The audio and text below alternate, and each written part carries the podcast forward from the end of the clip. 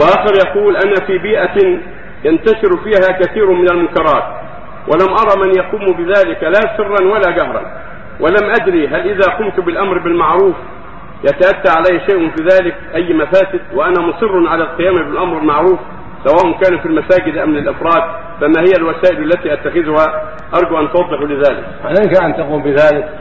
ما دمت في البيئة التي لا تقوم بالواجب ولم ترى أحدا قام بالواجب فعليك أن تقوم بالواجب؟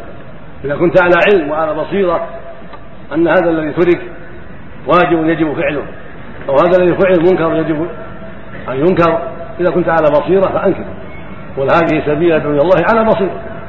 فتعلم أولا وتفقه في الدين وانظر الأدلة ثم قم بالواجب من الإنكار والدعوة والتبصير بالحكمة والكلام الطيب والسيرة الحميدة وأن تبدأ بنفسك قبل قبل غيرك حتى يقتدى بك في الخير.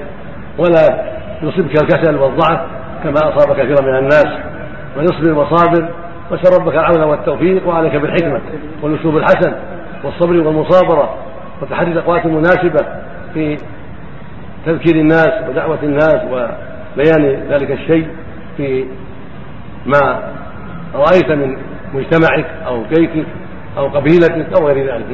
وآخر يقول ما هي نصيحة سماحتكم لأئمة المساجد الذين يرون بعض المجاورين لا يشهدون الصلاة مع الجماعة ولا يناصحونهم ولا يرفعون عنهم. فما هي نصيحتكم؟ ومما يتعلق بالسابق أن من عنده أهلية ينبغي له يتقدم إلى المسؤولين حتى يعطى بطاقة حتى لا لا يتعرض له بسوء يعطى بطاقة أنه صالح للدعوة حتى يأخذ البطاقة التي تعينه على هذا الأمر إذا كان من أهل العلم سواء إلى رئاسة النبي والإفتاء والدعوة أو إلى وزارة العدل لأنها أهلية لذلك أو إلى رئاسة العمل أو الأمر بالمعروف والنهي المنكر حتى يعطى بطاقة تعينه على هذا.